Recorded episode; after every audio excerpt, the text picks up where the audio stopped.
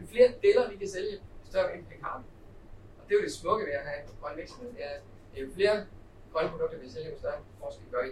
Så hvad kan man sige, økonomien og øh, den grønne forskel går hånd i hånd. Du lytter til Nyt Europas podcastserie Jagten på samlingskraft. I løbet af de næste tre episoder skal vi på en rejse til de innovative breddegrader i madens verden og få et indblik i livet som madværksætter. Vi skal have jord under neglene på en gård et uventet sted og gøre fredagsbaren nørdet med bæredygtig øl. Men i de næste knap 30 minutter skal du med til Kødbyen kvarteret i København, hvor det hele starter. Området er kendt for sine smarte madsteder, og så bobler det med nye madidéer. Projektet Greater Copenhagen Food Startup, som de næste tre episoder omhandler, har nemlig etableret et helt unikt rum for madnørder med en iværksætter i maven. Men alt det kan du høre Anne til meget mere om nu. God fornøjelse.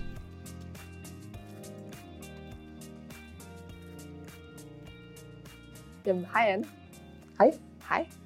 Øh, jeg tænkte på, vil du ikke starte med at introducere dig selv lidt, og hvad du laver til daglig? Jo, altså jeg hedder Anne Nerup Handlos, og øh, jeg er projektleder hos det, der hedder Erhvervshus Hovedstaden.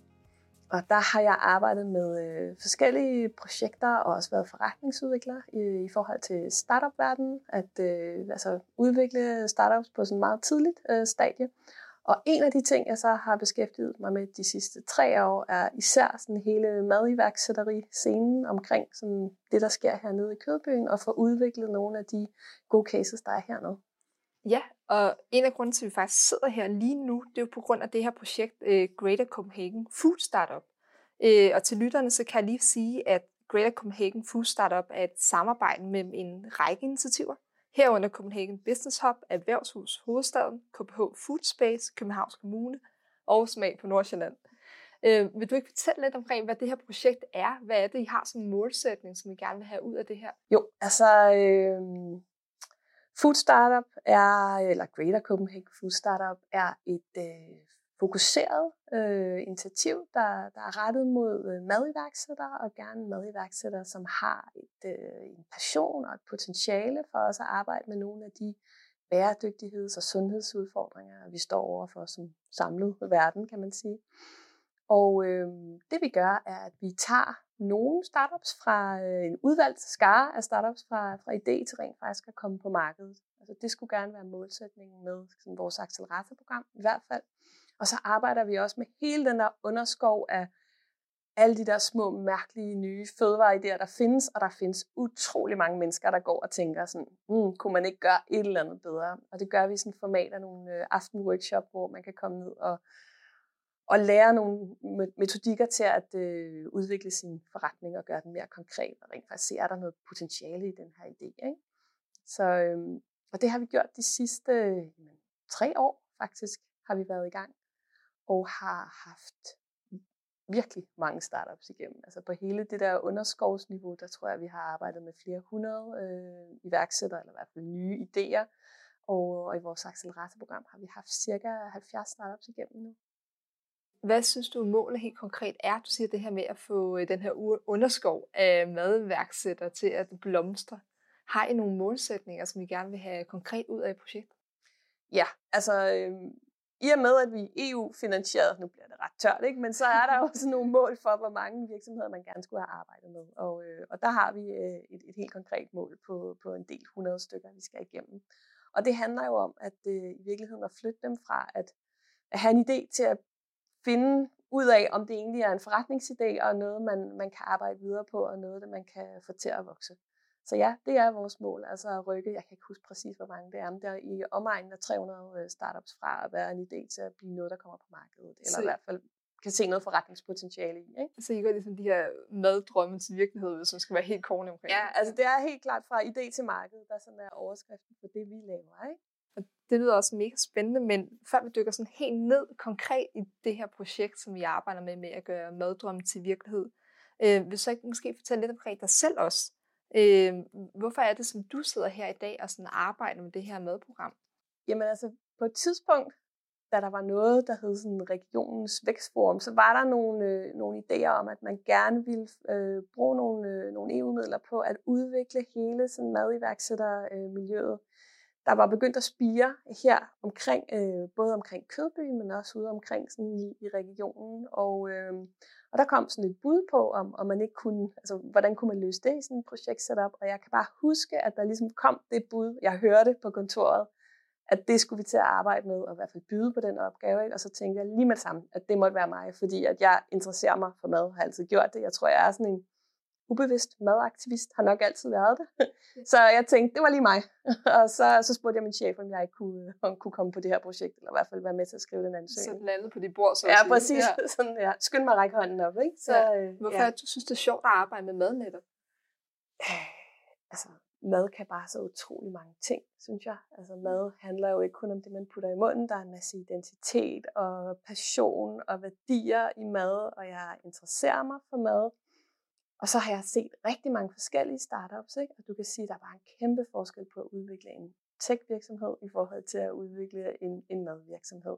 Der er nogle helt andre ting på spil, som jeg synes er, gør det rigtig, rigtig interessant at arbejde med. Ikke? Hvad, hvad er forskellen?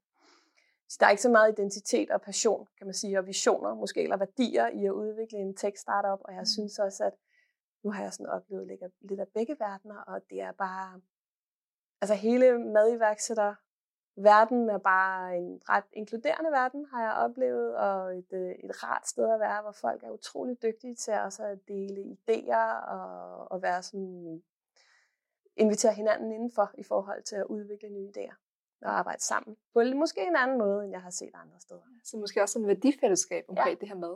Der er helt klart en masse passion her, ikke, som, som bærer mange af de her ting frem, som man ikke ser helt på samme måde i andre startup-miljøer, ja. synes jeg. Ja, fordi du har arbejdet med startups, og du har arbejdet med virksomheder før. Mm. Øh, hvorfor var det, du endte i den retning overhovedet til at starte med, at du skulle arbejde inden for det område? Jamen, jeg mens jeg læste, var jeg med til at starte en virksomhed. Øh, ja. Med, og, øh, og så tror jeg bare, at jeg blev sporet ind på, at det var egentlig ret spændende. Og så øh, var det også, det var mit første job at arbejde med noget. Ja, det var så med arbejde af en udvikling af nogle plastvirksomheder på Vestegnen og på Amager, som var noget helt andet, men ja. som var ret interessant i virkeligheden. Og så, øh, så, ja, så blev det ene bare, eller udviklede det ene sig til det andet. Så, øh, så blev det hele det her iværksættermiljø. Ja. Sjovt, så du kan også måske spejle dig lidt i de her iværksættere, som du så møder måske i dit daglige arbejde i dag. Jeg synes i hvert fald, det er mega fedt at være med i et sådan, uh, mere dynamisk miljø. Altså at være med i de her, altså de her ret hurtige udviklingsprocesser. Ikke? Altså det er noget helt, der er en masse energi i det, og der er en masse passion i det som man nok ikke får på samme måde, som hvis man er ansat i en stor virksomhed, hvor tingene er lidt mere sat i kasse, ikke? Jo, øh, ja. Jeg tænker måske også, at det kræver særlig personlighedstype at bevæge sig ind på nye markeder og starte helt fra bunden af. Man skal jo turde satse del på det også. Absolut. Altså, det er jo nogle særlige mennesker, som bliver som ligesom klarer det her, ikke? Eller som dem, der, der lykkes. Altså, der skal nogle særlige komponenter til, helt sikkert. Og det er der, der er en vis fascination i, ikke? Ja. ja. Og du er på en eller anden måde også endt som måske fødselshjælper, kunne man også kalde det, for, for andres drømme, så at sige. Øhm, fordi jeres projekter går jo ud på at hjælpe andre med at se deres drømme gå fra ja, drøm til virkelighed på en eller anden mm. måde. Øhm, hvordan passer den rolle til dig? Synes du, det måske er lidt øh, uforløst at stå på siden af det, eller passer det godt at være facilitator for at se mange projekter vokse? jeg synes, det er mega fedt at være hende der øh, embedsdamen, der ja. står lidt i baggrunden. Det synes jeg er mega fedt at være med til at skabe rammerne og lede sådan et projekt, som det her er, ikke? og få sat det rigtige team, og sørge for, at vi har de rigtige kompetencer, som kan være med til at løfte og bidrage til nogle af de her startups udvikling. Ikke? Ja. Så øh, det passer rigtig godt til mig. Jeg behøver ikke at gøre det selv. Jeg synes, det er rigtig fedt at være sådan øh, kulissepersonen. Ja, fordi ja. hvad er det, I gør helt konkret, når I møder de her, øh, der kommer med deres drømme, og tænker, nu kan jeg godt tænke mig at starte måske øh, en helt ny måde at lave øh, korn på, eller brød på, eller noget helt andet tredje. Hvad er så jeres rolle i forhold til dem?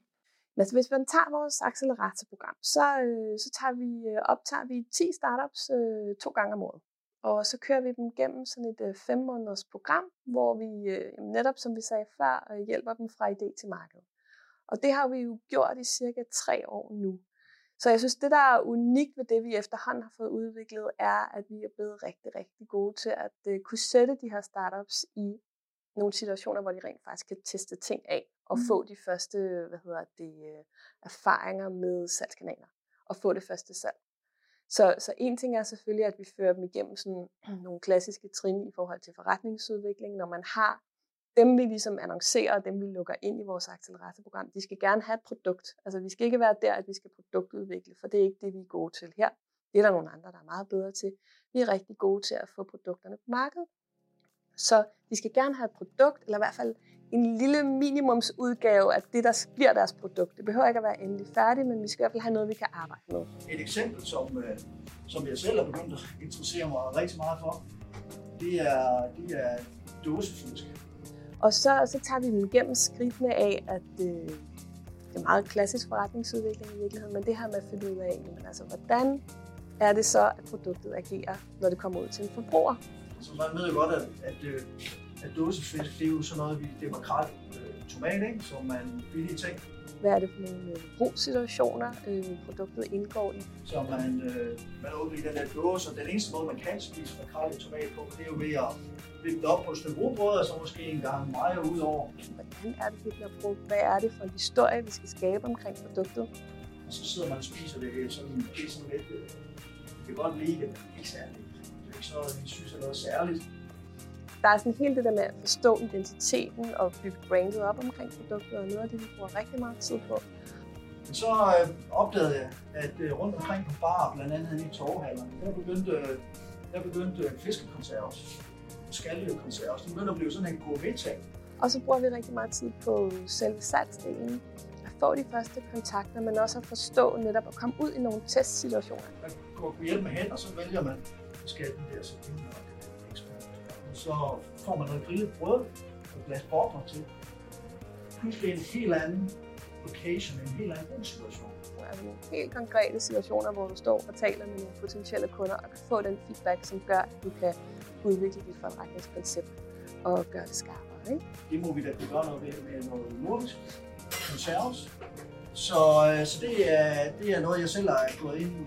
Men Jeg har et koncept, som hedder Fangst, som er en nordisk fiskekonserves, øh, som jeg øh, heldigvis ser ud til at begynde at få noget succes med, og også begyndt at få, få ud i verden og ud over, ud over grænserne. Øh, som egentlig er, så, som tager udgangspunkt i den observation omkring en brugssituation, som åbner et marked, som ingen af de etablerede konservesproducenter heroppe har opdaget, men som giver bare en mulighed.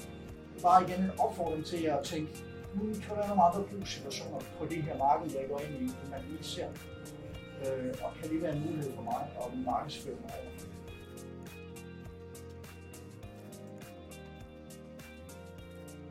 Og det gør vi jo så i samarbejde med, med en række øh, partnere, vi har i, øh, i det her projekt. Det er blandt andet øh, Coop Crowdfunding.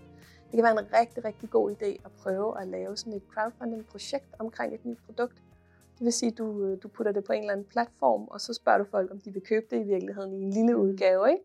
Der får du noget markedsvalidering, noget hurtigt test af, forstår folk dit produkt, synes det, det er rart, vil de tage penge op af lommen for at købe det.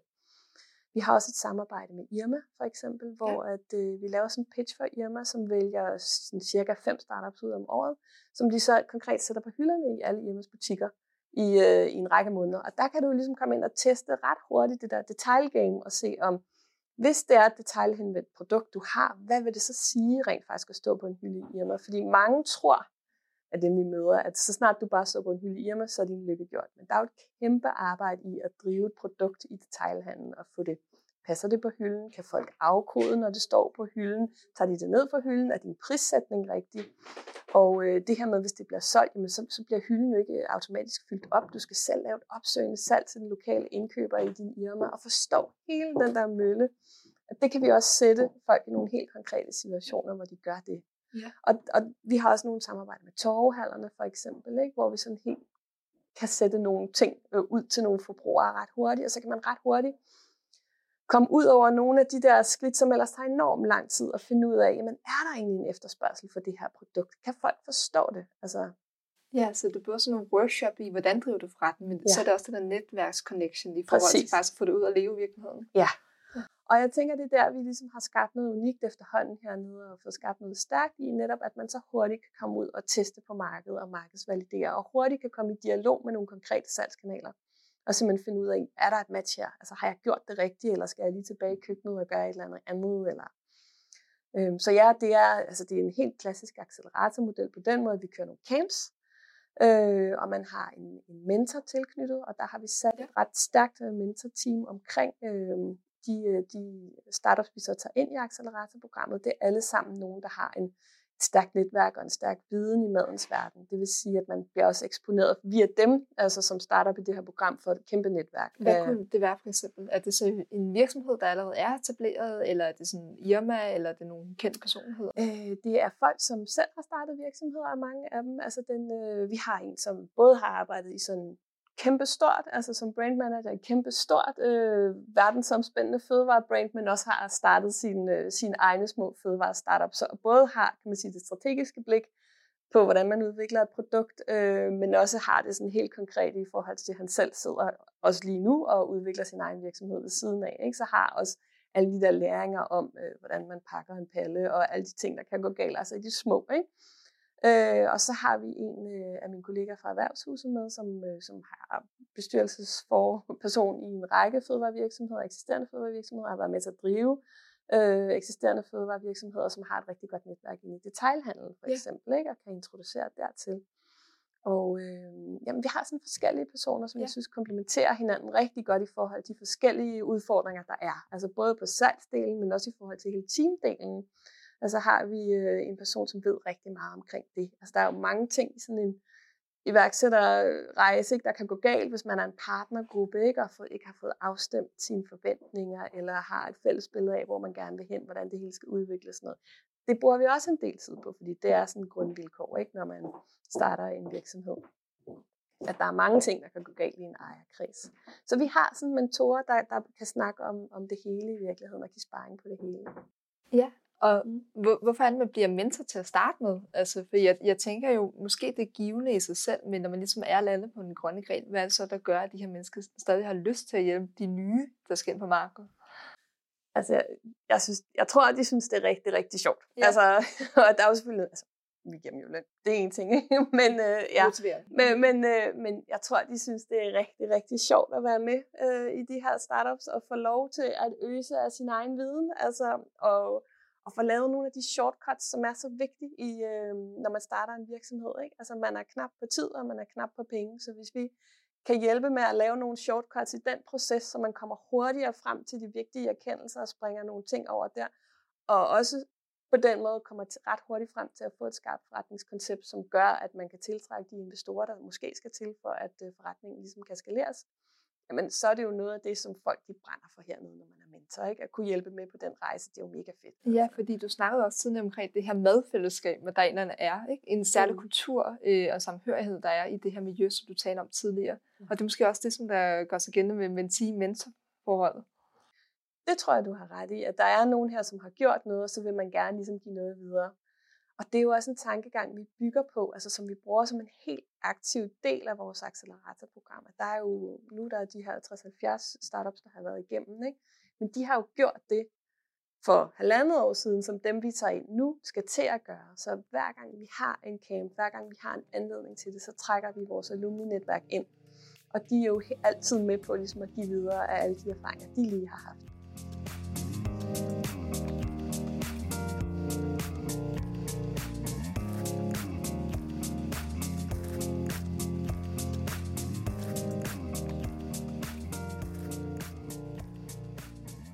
Og, nu er det jo også sådan, at vi har fysisk placeret vores accelerator hernede i det miljø, der hedder Copenhagen Food Space. Ja, vi har jo også de her spaces, ja. som vi også præsenterer. Kan du ikke fortælle, hvad det går ud på? Jo, øhm, gerne, og det kan godt være, at det er sådan lidt der skal nok klippes lidt her. Men det er jo en anden historie, kan man sige. Ikke? For, for Copenhagen Food Space er jo øh, er netop et, et kooperativ, øh, hvor der sidder 35 startups inden for madverdenen og arbejder med forskellige områder, om det så er fra mad og kommunikation af mad og madidéer til øh, udvikling af nye produkter og alt, hvad der er derimellem i virkeligheden. Og øh, da vi kiggede på at skulle starte det her program, så gav det sindssygt god mening at sige, jamen altså det her, det er jo, vi skal jo finde nogle samarbejdspartnere, der ligesom er inden for den her verden allerede. For en ting er, at man, der hvor jeg kommer fra, kommer med en masse viden på forretningsudvikling, ikke? Men, men at få det bragt ind i den her mm. særlige kontekst var rigtig vigtigt for os, og det er derfor, vi har udviklet projektet i tæt samarbejde lige for dagen med det her space, hvor vi sidder nu, altså Copenhagen Food Space. Øhm, og det er vigtigt for os også, at de acceleratordeltagere, vi har igennem, at de simpelthen får en fysisk tilstedeværelse hernede på den her adresse i Kødbyen, fordi det giver så god mening også for netværksdannelsen, at man sidder sammen med andre, som, som arbejder inden for det samme område, og du kan næsten ikke undgå at få gode kontakter, netværk, viden, når du er sådan et sted her. Og især på, på virksomheder, på det stat, vi arbejder med, ikke? så er der jo mange, der har stået hjemme i deres køkken, mm. eller været sådan forholdsvis alene omkring udviklingen af deres projekt og deres produkt. Og der giver det jo bare et kæmpe boost, at man lige pludselig kommer til at sidde her sammen med andre, hvor de gør jo det samme som dig. Du kan spejle dig i dem, du kan få viden, du kan få netværk, du kan få, lave alle mulige igen af de her berømte shortcuts, som jeg virkelig tror, tror også er vores berettigelse, ikke? at man kan lave de der erkendelser lidt hurtigere, end man ellers ville gøre, hvis man bare var sig selv. Ja. Så derfor har den fysiske adresse også været rigtig vigtig for os. Ja, fordi det er jo, det er også et sjovt sted, vi er i, for vi sidder netop i kødbyen, her ved den grønne kødby, som jeg personligt kender lidt fra, fra nogle andre, øh, ikke så meget erhvervsrettede øh, øh, hvad hedder det, events. Mm-hmm. Øh, men hvad er det, du synes, det gør netop det her i kødbyen for jer og jeres projekt? Altså, der er noget, der er helt klart noget, noget fancy omkring at have en adresse i Kødbyen, ja. ikke? Og, og når du som lille iværksætter er en del af sådan et miljø her, at du at den lille brik, der er med til at skabe det, det sammenhængende miljø, så gør det jo, at du kan invitere folk indenfor. Altså du står på en eller anden måde stærkere i din fortælling, fordi du inviterer jo selvfølgelig folk indenfor her, om det så er potentielle samarbejdspartnere, eller det er investorer, eller hvad det er, så kan man jo altid invitere her ind på en adresse, hvor bare emmer af iværksætteri og, og virkeløst i virkeligheden. Ikke? Og det giver noget til din forretning. Så det giver noget helt klart til folk, der er en del af det her, at, at fællesskabet smitter af på dig. Altså man er en, lidt for sig selv, men, men sammen er man, er man virkelig en, en større og stærkere historie. Ja, og det er jo mega fedt det der igen, fordi så er det igen det der fællesskabsfortælling, du kommer tilbage til. Øh, men det er jo også, kan jeg forestille mig, altså der er jo enormt meget liv i kødbyen, der er enormt meget øh, drive, det, det er også et hip sted, så jeg mm. tænker også, at man måske bliver påvirket, når man sidder her, af den energi, som der er i, i området. Men det tror jeg helt sikkert, at der er noget med netop at have, altså at være et fedt sted, som inspirerer. Yeah. Det tror jeg helt klart. Og det er tilbage til den der fortælling af, hvis du har stået i dit eget køkken derhjemme, ikke? Mm. så kan det godt blive svært at holde motivationen, og ligesom blive ved med at holde sig på den klinge af, at du er ved at skabe et nyt, sådan, et nyt produkt, der skal ændre verden. Øhm, og det er måske nemmere, når du sidder sammen med andre, som, som hele tiden bekræfter dig i, at du er på rette vej, og du gør nogle gode ting. Ikke? Jo. Ja, så måske der var en masse idéer, men de manglede lige den der, så måske øh, know-how og værktøjerne til rent faktisk at få til at kunne overleve markedet også ja, jeg tænker, at man, man har jo nok tænkt, at ja, det var os, der kom med hele, kan man sige, forretningsudviklingsdelen, og det var også noget af det første, jeg skulle vende mig til, da jeg kom hernede, at hernede, der snakker man mere sådan, kan man sige, ambitionsdreven, og mere sådan passion på den store klinge, ikke? Og man vil ændre verden på, hvor vi kom med vores lille forretningsudviklingshåndtask. ikke? Men de to ting er jo faktisk begyndt at gå rigtig, rigtig godt i hånd, vil jeg sige, ikke? At i og med, at vi udvikler nogle startups, så er der også nogle andre ting, der bliver gentænkt i en større sådan, bæredygtigheds- og samfundsvinkel, ikke? Flere deler, vi kan sælge, større vi kan vi.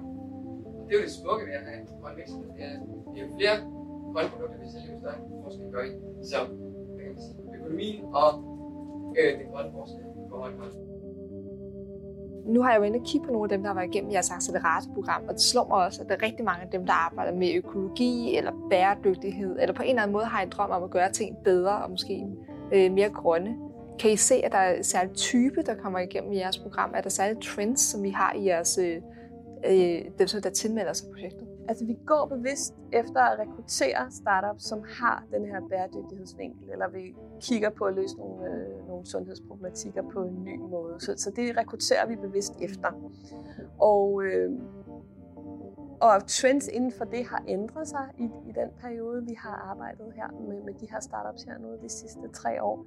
Så ja, man kan helt tydeligt se, at der, der er sådan en, en gennemstrømning af trends, øh, som man ser hernede, men, men vi fokuserer på nogen, der også altså, som brænder og har en passion for at gøre noget anderledes i forhold til den måde, vi tænker om mad og madsystemer og det, vi skal spise. Vi har også snakket lidt omkring det her med, altså København så måske, at der var, øh, Københavns Kommune så måske, at der var det her blomstrende madmarked, der ligesom kom, og København er efterhånden blevet lidt af mad mekka. Mm.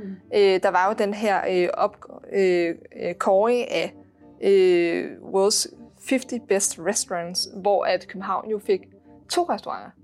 Altså både Noma, men også Geranium, som der kom ind som henholdsvis nummer 1 og nummer 2 på verdensranglisten. Og det er faktisk første gang, at de to bedste restauranter i verden ligger i samme by. Det, det er jo lidt vildt. Hvad er det, som København og måske Danmark kan på den her madscene? Og det er et godt spørgsmål, du stiller der, ja. men jeg ved jo i hvert fald, at hele, hele trenden i forhold til øh, er det de her Michelin-stjerner, vi har fået, og hele udviklingen af de bedste restauranter, er jo også med til at drive en underskov af små leverandører frem. Ikke?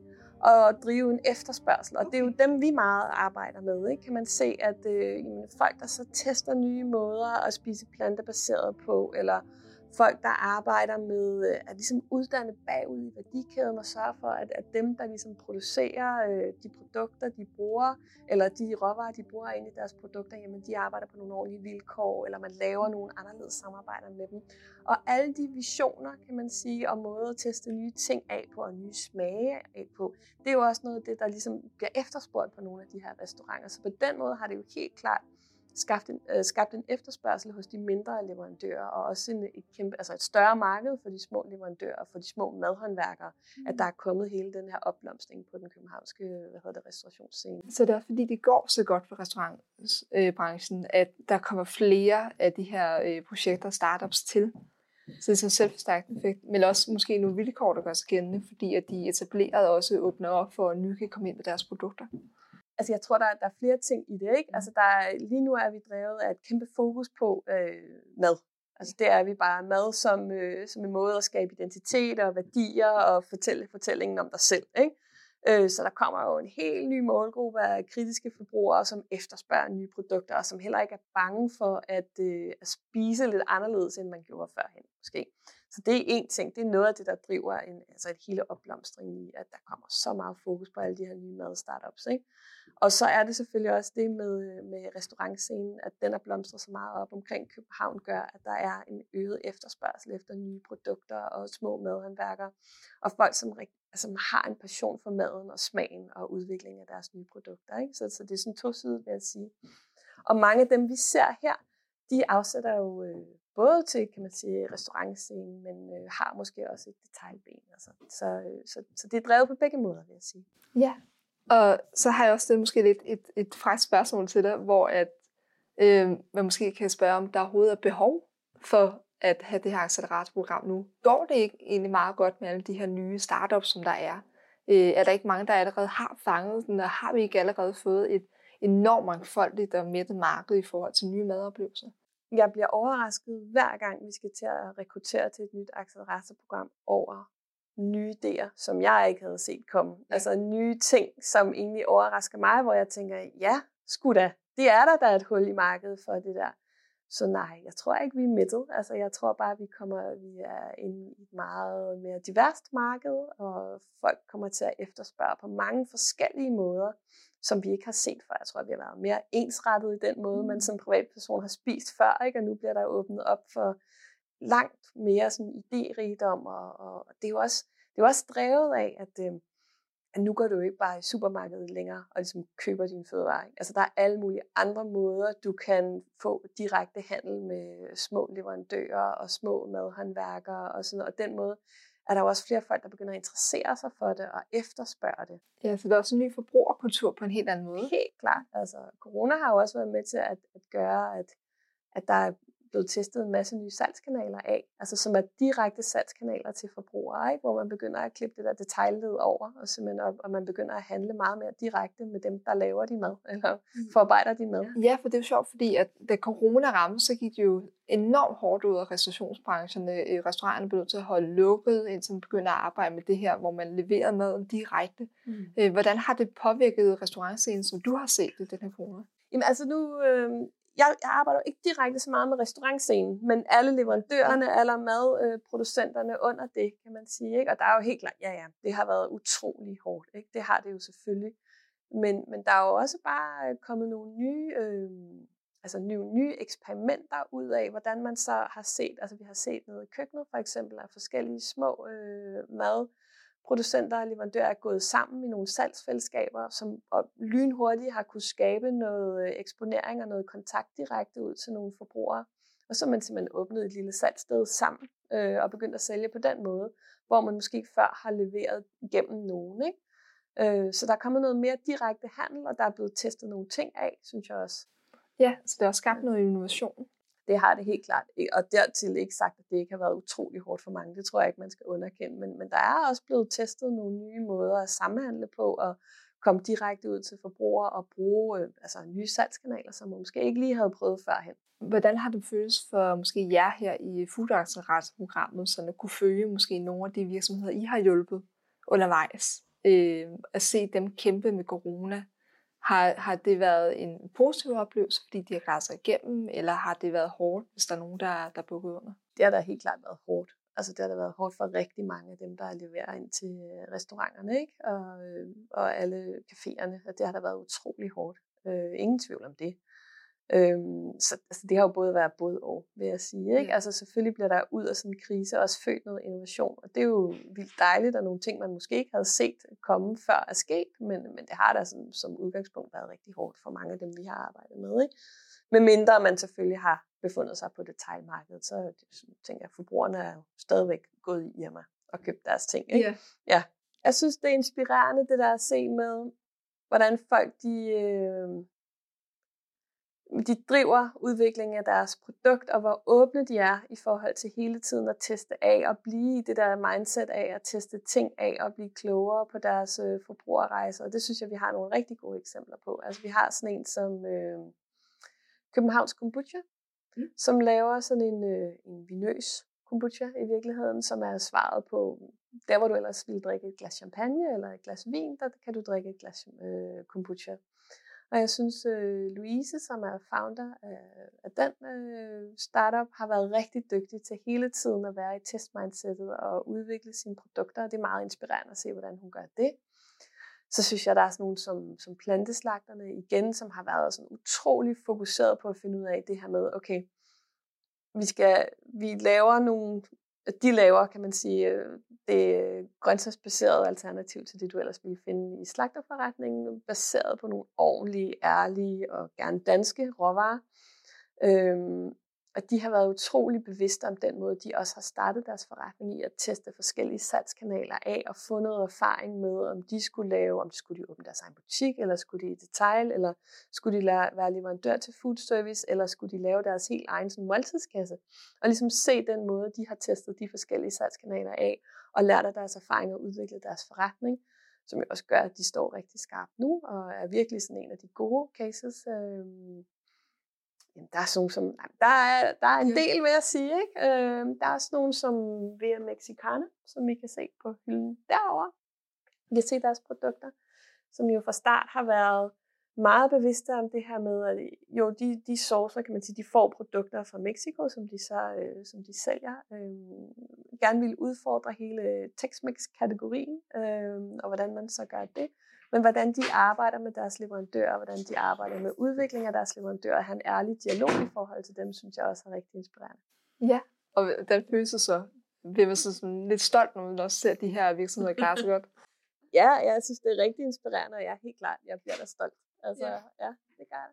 Jamen altså, det er jo sådan lidt interessant med det i den her projektverden, ikke? at man får penge til en begrænset periode, og så er det tit sådan, man starter, og så slutter man. Ja. Og så er der ikke så meget mere.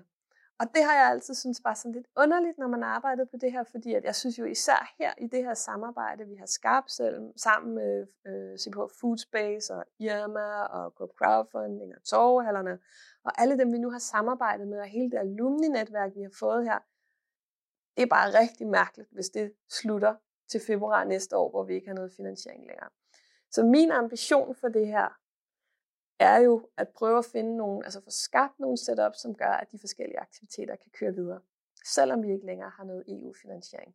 Og det håber jeg, og tror også på, lykkes, altså om ikke helt, så i hvert fald delvis. Så meget af det her i virkeligheden er aktiviteter, der kommer til at leve videre i det her miljø. Nu er der ikke længere EU-penge, men så kan miljøet, økosystemet omkring den her adresse her nede i Food Space være med til at løfte det videre. Og det vil være min ambition, for jeg synes, det er så synd, altså, når man har skabt noget, der er så fint her, at det ikke kan leve videre. Altså at ligesom leve videre på egne vilkår.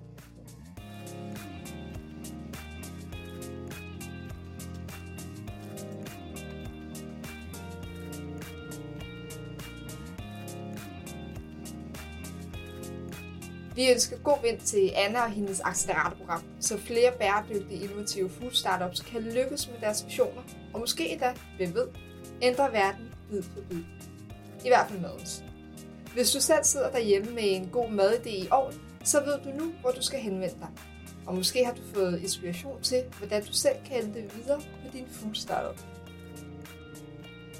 I næste episode skal vi til Serup Gård, som er et økologisk landbrugssted i Dragør på Amager. Her skal vi snakke med Mark, som har været tur igennem Greater Copenhagen Food Startup Accelerator med sit øh, madleveringssystem for online landhandel, Økoskab. Mit navn er Lea Frydberg. Podcasten er redigeret og medproduceret af Mathias Sackhavn. Vi høres ved. Jagten på samlingskraften er blevet til med finansiel støtte fra den europæiske union. Vi her i Nyt Europa er ene ansvarlige for indholdet, og også indholdet, der ikke nødvendigvis er udtryk for den europæiske unions synspunkt. Også Europanævnet har givet støtte til podcastserien. Tak for det.